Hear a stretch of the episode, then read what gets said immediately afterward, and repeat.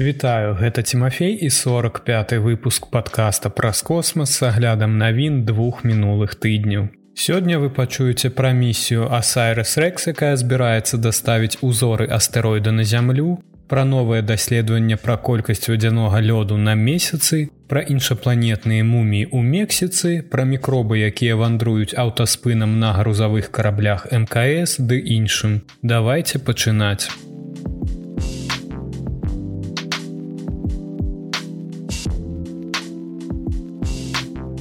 NASA Асайрес Рекс збіраецца даставіць узоры астэроіда на зямлю за 5 непростых крокаў. Узорам астэроіда Бену на борце Асайрус Рекс трэба будзе прайсці самую цяжкую частку шляха назад з глубокага космасу, паколькі місія набліжаецца да зямлі. Касмічны карабель павінен даставіць капсулу, якая прызямліцца ў пустыні на захадзе злучаных штатаў ужо 24 верасня. Завяршыўшыся мегадовае падарожжа і зрабіўшы гэта першай місіі NASAа па выманні павярхоўнага матэрыялу з астэроіда. Асайрас Рекс быў запущены 8 верасня 2016 года з базы касмічных сіл на мысе Канаверл у Флорыдзе і пачаў двухгадовае падарожжа да астэроіда Бену. Касмічны карабель прыбыў на арбіту Бену ў жніўні 2018 года, дзе затым правёў яшчэ два гады сканіруючы паверхню астэроіда. 20 кастрычніка 2020 года пасля уважлівага назірання тапаграфіі Бену з арбіты Асайрес Рекс спусціўся на паверхню астэроіда і дастаў матэрыял, які быў змешчаны ў капсулу вяртання ўзораў касмічнага карабля.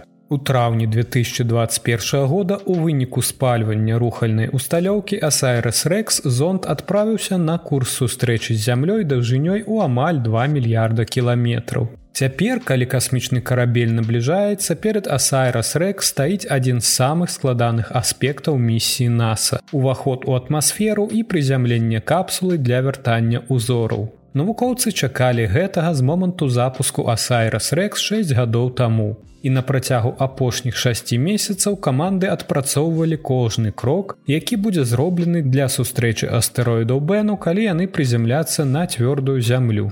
І вось як гэта будзе працаваць.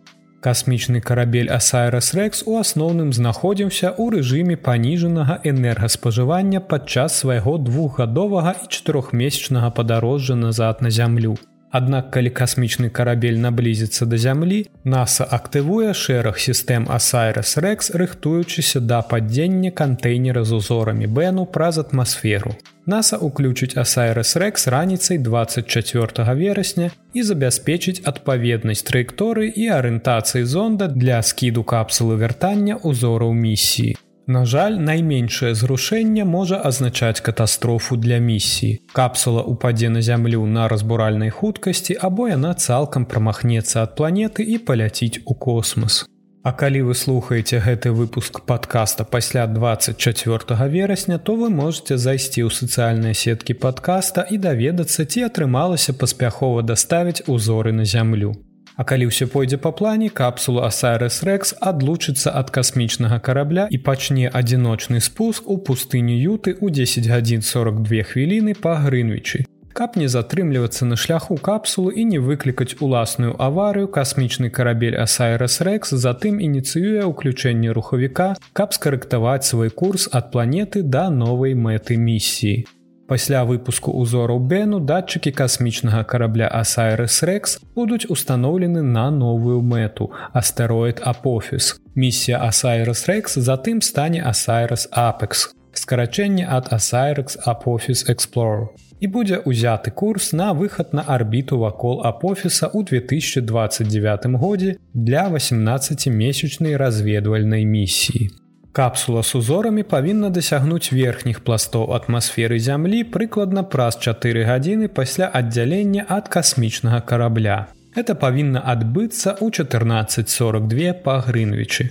Сутыкнуўшыся з самымі тонкімі часткамі ахоўнага пакрыцця планеты, капсула будзе рухацца з хуткасцю больш за 43 450 кіламетраў у гадзіну. Ахоўная абалонка капсулы мае такую форму, што атмасфера запавольвае спуск капсулы, не руйнуючы яе пад дзеяннем трэння паветра, якое будзе станавіцца толькі больш па меры спуску капсулы.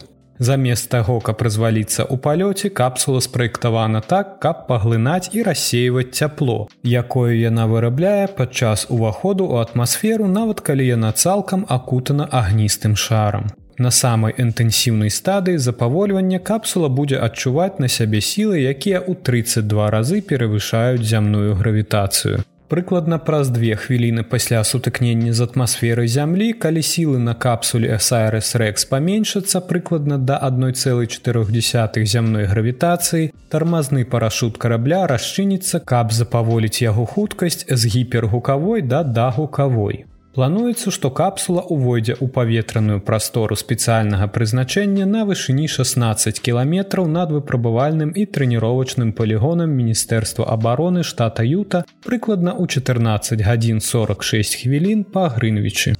Затым адтуль радыёлакацыйныя станцыі на палігоне змогуць адсочваць спуск капсулу і канчатковае месца прызямлення з закладнасцю да 10 метраў. Прыкладна ў 14 гадзін 50 хвілін па грынвічы, як толькі тармазны парашут запаволіць спуск капсулы прыкладна да 1,6 кіламетра над зямлёй асноўны парашут расчыніцца. Калі падзенне капсулы праз атмасферу пройдзе так, як чакалася, галоўны жэлаб карабля мякка апусціць судна на зямлю прыблізна ў 14 гадзін 55 хвілін па грынвічы.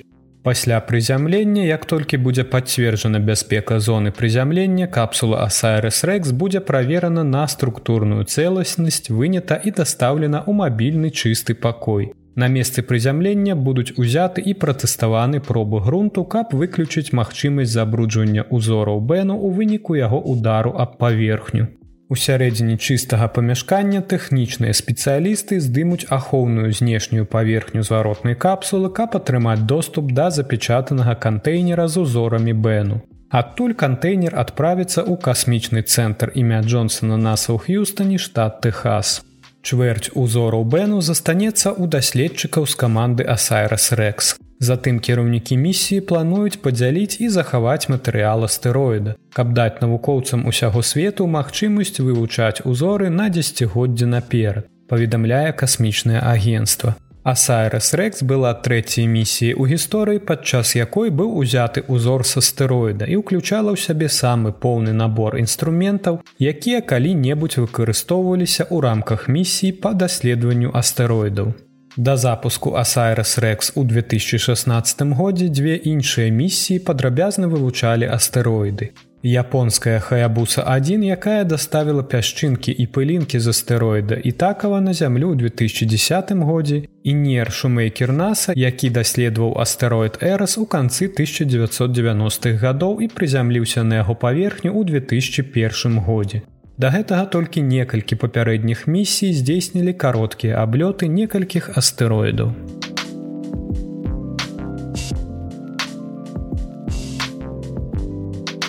Вадзяны лёд на месяцы можа стаць ключом для будучых касмічных місій, але ці дастаткова гэтага. Халодныя вобласці на месяцы, дзе ніколі не свеціць сонца маладзей кратараў, у якіх яны знаходзяцца і паводле новага даследавання верагодна утрымоўваюць менш вадзянога лёду, чым лічылася раней.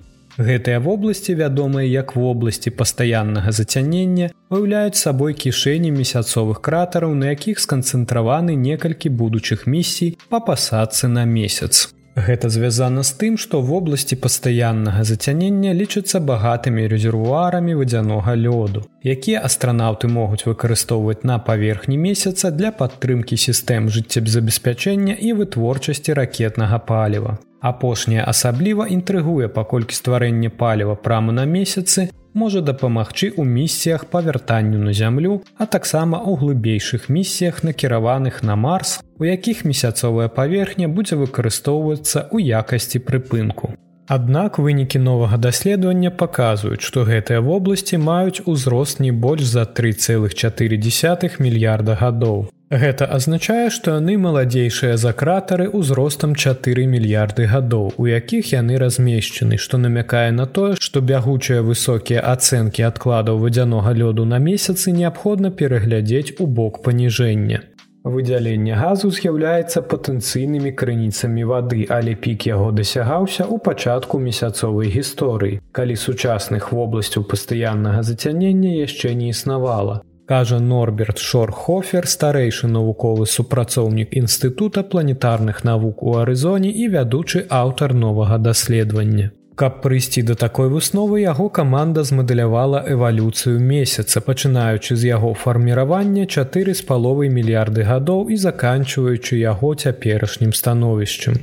Мадэляванне показала, што месяц зведаў сур'ёзную пераарыентацыю нахілу сваёй восі кручэнні прыкладна 4,1 мільярдаў гадоў таму. Калі яна на кароткі час дасягнула 77 градусаў, а затым апусцілася да ніжэйшых значэнняў.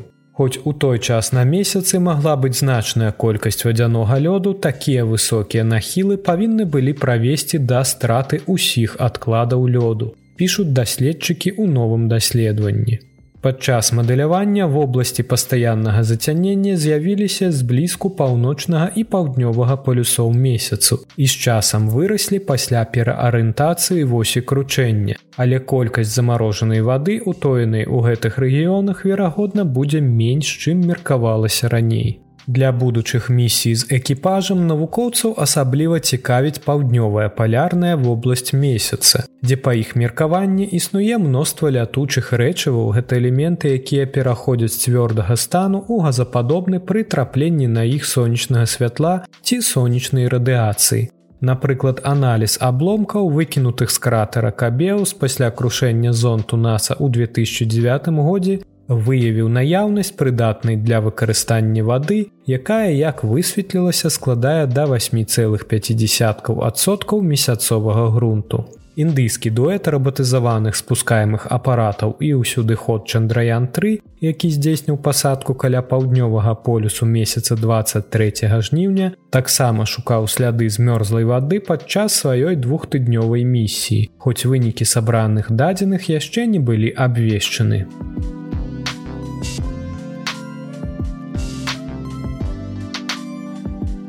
Іншапланетныя муміі ў Мексіцы, група NASAа па вывучэнню НЛА рает не рабіць на гэта ставак. На мінулым тыдні НЛА і іншапланецяне зноў апынуліся ў загалоўках навін. На жаль, гэта адбылося не таму, што на лужку белага дома прызямліўся іншапланетны карабель, а таму, што NASAа апублікавала доўгачаканую справаздачу, апублікаваную незалежнай даследчай групай, якой агенцтва даручыла вывучэнне неапазнаных анамальных з'яў або нас або UAP. UAP гэта новы тэрмін для абазначэння НЛА, які ахоплівае не толькі невытлумачальныя з'явы ў паветры, але і ў космасе пад вадой і паўсюль паміж імі. Аднак публікацыя першай справаздачы NASAа аб НЛА была не адзінай гісторыяй аб магчымых нечалавечых формах жыцця, якая патрапіла ў загалоўкі газет на мінулым тыдні. Па дадзеных агенства Рэйтерс заканадаўцы Мексікі заслухалі паказання аб прысутнасці на зямлі іншапланетнага жыцця, у тым ліку двух целаў іншапланецян. Гэтыя меркаваныя целы іншапланецян выглядалі белымі і нагадвалі стэеатыпныя выявы іншапланецян. Вялікая галава, маленькае цело, тры пальцы. Меркаваныя іншапланетныя муміі былі прадэманстраваны хайме Мосанам, даўнім спецыялістам па НЛА, які ўжо мае гісторыю падробкі меркаваных чалавечых астанкаў. Нягледзячы на тое, што Мосан неаднаразова падрабляў трупы і мумі іншапланецян, цяпер гэтая гісторыя набыла шырокі размах. Настолькі, што яна была паднята падчас брыфінгу NASAа з нагоды новай справаздачы НЛА, якая адбылася 14 верасня. Падчас брыфінгу журналіст BBC News Сэм Кабрал спытаў, ці звязвалася нас з мексіканскімі уладамі з нагоды даволі сенсацыйных адкрыццяў адносна меркаваных іншапланетных мумій. У адказ старшыня даследчай групы NASAа Дэвід Спергал адказаў, што калі ёсць якія-небудзь доказы існавання іншапланетных астанкаў, то тыя, хто валодае матэрыялам, павінны зрабіць яго агульнадаступным для вывучэння. Як высветлілася, Мосан мае вопыт вывазу падробленых астанкаў іншапланецян. Апошнія містыфікацыі Мосана з теламі іншапланецян, на жаль, не першы раз, калі падобныя рэчы адбываюцца. У 2015 годзе Мосан арганізаваў мерапрыемства ў Мехіка прысвечаныя публікацыі размытай фатаграфіі, на якой прысутнічаюць астанкі невялікага муміфікаванага гуманоіда іншапланецяніна. Аднак як толькі выразныя копіі выявы былі распаўсюджаны ў інтэрнэце усяго праз некалькі гадзін пасля іх прэзентацыі на мерапрыемстве было хутка ўстаноўлена, што выява насэмрач адлюстроўвае гістарычныя астанкі, якія належаць карэнному амерыканскаму дзіцяці, якія дзесяцігоддзі таму нейкі час выстаўляліся на паказ у музеі. Некаторыя з датычных да гэтага моманту асоб прынеслі публічныя прабачэння наконт таго, што астанкі дзіцяці былі выкарыстаны такім чынам. Застаецца незразумелым, чым маглі быць гэтыя самыя апошнія іншапланетныя муміі, але аналіз іх фізіялогіі апублікаваны ў сацыяльных сетках, мяркуе, што яны былі сабраныя з частак розных млекакормячых такіх як ламы. Як паведаміла агенцтва рэйтарс некаторы з іншых меркаваных трупаў іншапланецян, якія Мосан прадставіў на працягу многіх гадоў, аказаліся злепленымі з астаткаў муміфікаваных дзяцей.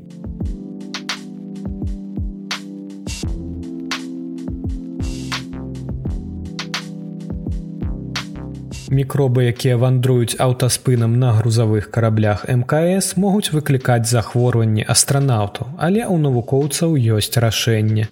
Сярод шматлікіх сур'ёзных пагроз, з якімі штодня сутыкаюцца астранаўці на борце міжнароднай касмічнай станцыі, непажаданая, але непазбежная рызыка зыходзіць ад малюсенькай істоты мікроба. Незлічоныя з гэтых маленькіх арганізмаў, якія перавозяцца на астранаўтах і грузавых рэйсах, якія адпраўляюцца на мкс, могуць ствараць спячыя норы ў выглядзе складаных матрыц клетак. Гэтыя клеткі называюцца біяплёнкамі. Іх можна выявіць на паверхнях касмічных станцый, у скафандрах і сістэмах водазабеспячэння. І гэта толькі некаторыя месцы, у якіх яны прысутнічаюць. Хаця многія віды мікробаў прыносяць карысць, шкодныя, якія здольныя ухіляцца ад ахоўнай сістэмы чалавечага арганізма могуць пашкоджваць тканіны. Акрамя таго яны робяць гэта знаходзячыся ў стане спакою, дзякуючы абароне біяплёнак, якія яны вылучаюць. На касмічнай станцыі біяплёнкі ўяўляюць небяспеку не толькі для здароўя астранаўтаў, але і для абсталявання,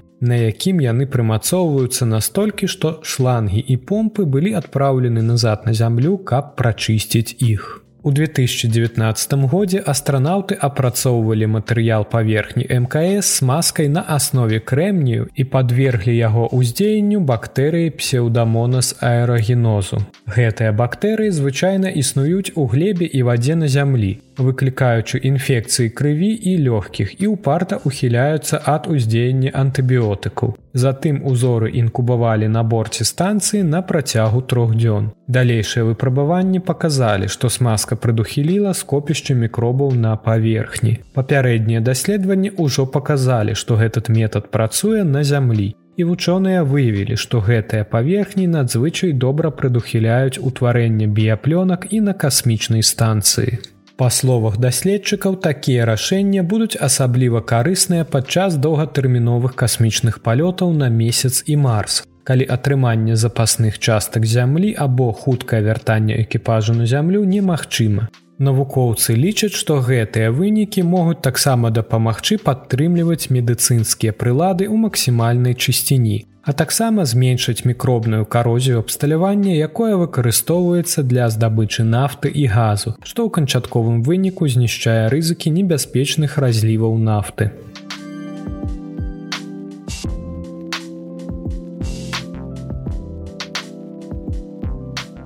Гэта ўсе навіны, пра якія я хацеў распавесці вам у выпуску. Цяпер пагаворым аб падзеях наступных двух тыдняў. 27 верасня месяц сустрэнецца з Сатурнам у сузор'і вадалея. Дзякуючы блізкасці да поўні месяцовы дыск будзе амаль цалкам асветлены на 95соткаў. Абодва аб'екты ўзыдуць увечары і паднімуцца максімальна высока да 11 гадзін вечара. Назірайце іх у бінокль ці неўзброеным вокам. 29 верасня нас чакае поўня. Яна надыходзіць пасля другой поўні ў жніўні блакітнага месяца, які адбыўся 30 жніўня.